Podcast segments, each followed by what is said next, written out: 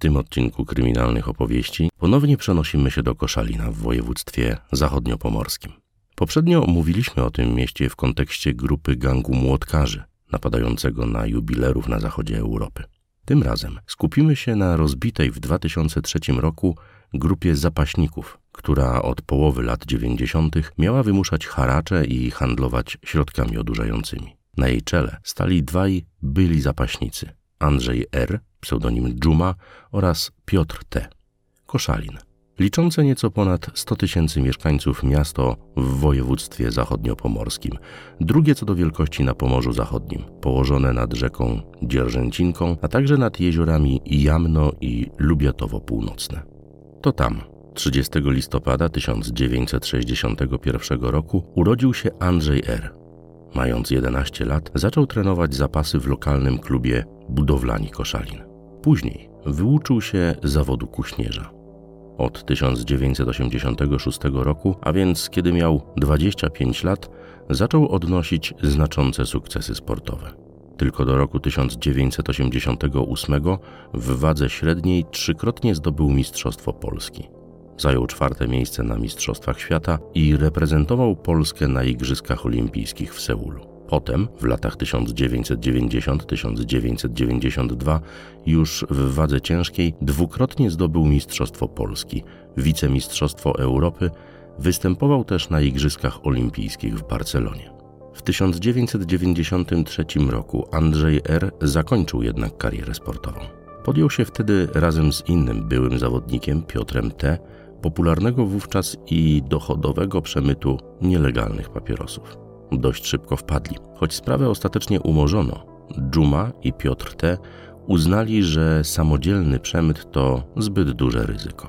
Wtedy mieli zacząć angażować do tego inne osoby, a przemytnicy oddawali im część zarobionych w ten sposób pieniędzy.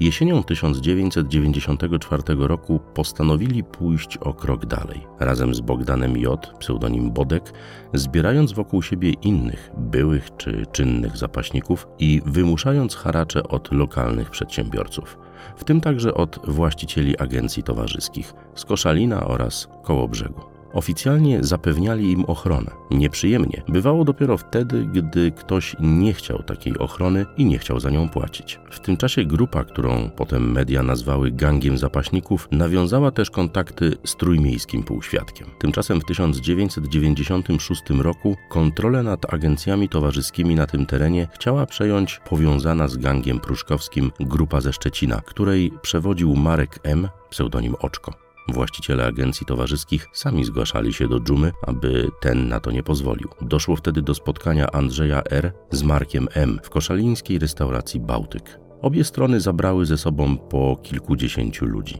Obyło się bez starcia. W pokojowych warunkach ustalono podział wpływów. Od tego czasu w Koszalinie już bez mrugnięcia okiem płacono haracz zapaśnikom. Byłym sportowcom dobrze układała się też współpraca z grupą z własnego podwórka, a więc z Koszalina, na której czele miał stać Dariusz P., pseudonim Pasza, były żołnierz. Gang składający się z byłych i czynnych policjantów, żołnierzy czy ochroniarzy przez kilka lat dokonywał wielu napadów z bronią w ręku na konwoje w całej Polsce. W tym przypadku dobre układy utrzymały się jednak tylko do 1999 roku. Wtedy grupy poróżniły się. Doszło nawet do nieskutecznej próby zamachu na dżumę, kiedy na jego posesji podłożono ładunek wybuchowy. Apogeum konfliktu była bójka w Ustroniu Morskim, gdzie górą okazali się zapaśnicy, wspierani przez gangsterów z Poznania. Jeden z uczestników bójki został zatrzymany przez policję. Odbito go z komisariatu, bijąc przy okazji lokalnego komendanta. Przełom lat 90. i 2000 to czas, kiedy grupa zapaśników miała częściowo legalizować swoją działalność. Andrzej R. stał się udziałowcem w Agencji Ochrony KRZ z Koszalina, dzięki czemu mógł w niej zatrudniać swoich ludzi. Choć w ten sposób wymuszanie haraczy i ściąganie długów mogło przyjąć pozory legalności, to tego samego nie dało się zrobić z handlem środkami odurzającymi, głównie amfetaminą, kokainą czy tabletkami ekstazji. Po kilku latach, w marcu 2003 roku, Centralne Biuro Śledcze zdołało rozbić gang zapaśników. 100 funkcjonariuszy, w tym antyterroryści, zatrzymało wtedy 15 osób, łącznie z Andrzejem R., który został tymczasowo aresztowany. W październiku w ręce śledczych wpadły kolejne cztery osoby: prezes spółki ochroniarskiej i trzech byłych sportowców. W postępowaniu przeciwko zapaśnikom 8 osób w latach 2004-2005 dobrowolnie poddało się karze. Ich proces zakończył się w 2006 roku wyrokami od 1,5 do 2,5 roku pozbawienia wolności. Jeden z podejrzanych, Krzysztof J., zdecydował się na współpracę z organami ścigania i uzyskał status świadka koronnego. Andrzej R., pseudonim Dżuma, nigdy natomiast nie przyznał się do winy. Utrzymywał, że go pomówiono. Ma Pan swoją też taką przeszłość niezbyt chlubną. Kilka lat nie było Pana z nami. Co Pan może o tym okresie swojego życia powiedzieć? No cóż, zostałem pomówiony, jak to w życiu bywa. Była sytuacja taka, zdarzyło się. Pewne osoby mnie pomówiły, z tego tytułu spędziłem trochę czasu, no powiedzmy, odizolowany. Ale wróciłem, czuję się dobrze, sport uprawiam. Wrzesień 2006 roku przyniósł orzeczenie Sądu Okręgowego w Koszalinie. Cztery osoby skazano na kary więzienia, a trzy, odpowiadające z wolnej stopy, które nie miały zarzutów udziału w gangu, na kary pozbawienia wolności w zawieszeniu. Andrzej R. usłyszał wyrok 8 lat za kratkami i 13,5 tysiąca złotych grzywny, choć prokurator wnioskował o 11 lat.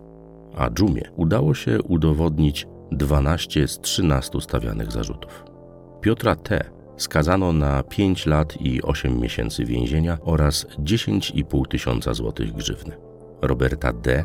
na 5 lat i 4 miesiące oraz 8750 złotych grzywny, a Bogdana J., pseudonim Bodek, na 4 lata i 6 miesięcy oraz 9000 złotych grzywny. Za szefów grupy zapaśników uznano Dżumę i Piotra T. Udowodniono także, że gang miał charakter zbrojny, jako że przy zatrzymaniach u podejrzanych zabezpieczono karabinek automatyczny AK-47 Kałasznikowa. Obrońca Andrzeja R. złożył odwołanie, w wyniku czego we wrześniu 2007 roku Sąd Apelacyjny w Szczecinie uchylił wyrok i przekazał sprawę do ponownego rozpoznania. Niespełna rok później, w sierpniu 2008 roku, Dżuma odzyskał wolność po 5,5 roku w areszcie śledczym. Był to efekt zażalenia jego adwokata na decyzję sądu o przedłużeniu tymczasowego aresztowania na kolejne 5 miesięcy. Wyjście z zawięziennych murów było dla Andrzeja R. doskonałą okazją do tego, by znów zająć się sportem. Trenował w klubie Dragon Koszalin, którego był jednym z założycieli, oraz Berserkers Team,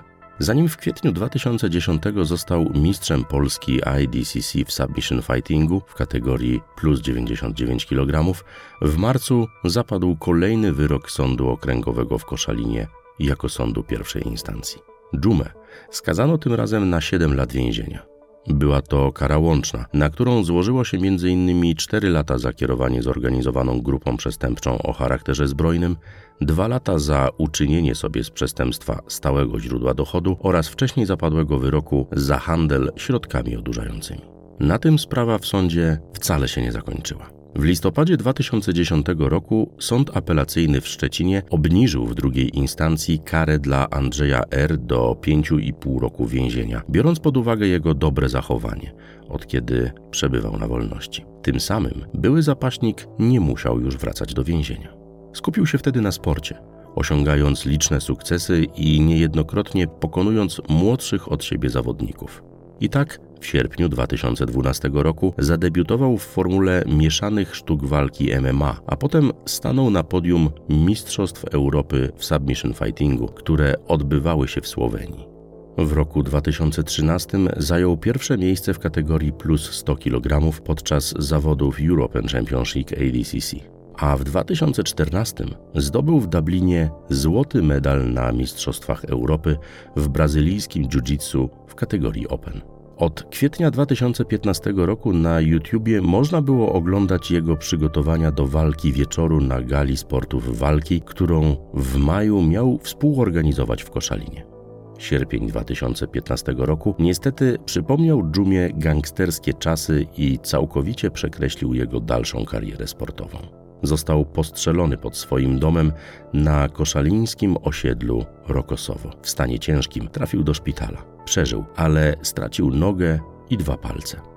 Nie potwierdzono motywów zamachu, choć nieoficjalnie mówi się, że wynikało to z jego niechęci do handlu środkami odurzającymi. W lutym 2017 roku sprawę zamachu na Andrzeja R. powiązywano z ogólnopolskim gangiem z Pomorza, który miał dokonywać porwań dla okupu, rozbojów i wymuszeń. Jednym z głośniejszych przestępstw tej grupy było porwanie w 2015 roku adwokata Krzysztofa K., którego przez kilka godzin wożono samochodem po Pomorzu dopóki nie obiecał, że gdy odzyska wolność, sam zapłaci za siebie milion złotych okupu. Do sprawy gangu zatrzymano 11 osób, z których 6 tymczasowo aresztowano. Śledczy na tym etapie nie udzielali więcej informacji. Listopad 2019 roku wiele wyjaśnił. To wtedy do sądu trafił akt oskarżenia wobec Jakuba K. i Macieja B., którzy mieli strzelać do dżumy w sierpniu 2015 roku. Dodatkowo temu pierwszemu, należącemu niegdyś do stołecznego gangu Rafała S., pseudonim Szkatuła, przypisywano jeszcze handel środkami odurzającymi w 2007 roku, usiłowanie zabójstwa poprzez odstrzelenie dwóch policjantów przy próbie zatrzymania w lutym 2017 roku w Warszawie, a także usiłowanie zabójstwa we wrześniu w Inowrocławiu, kiedy znów otworzył ogień do policji raniąc jednego funkcjonariusza. Sam został jednak wtedy postrzelony i zatrzymany. Całemu gangowi z Pomorza, którego skład miało wchodzić 14 osób, zarzucano 63 przestępstwa, głównie porwania i rozboje. To wszystko na dzisiaj. Do zobaczenia wkrótce. Czytał Maciej Marcinkowski.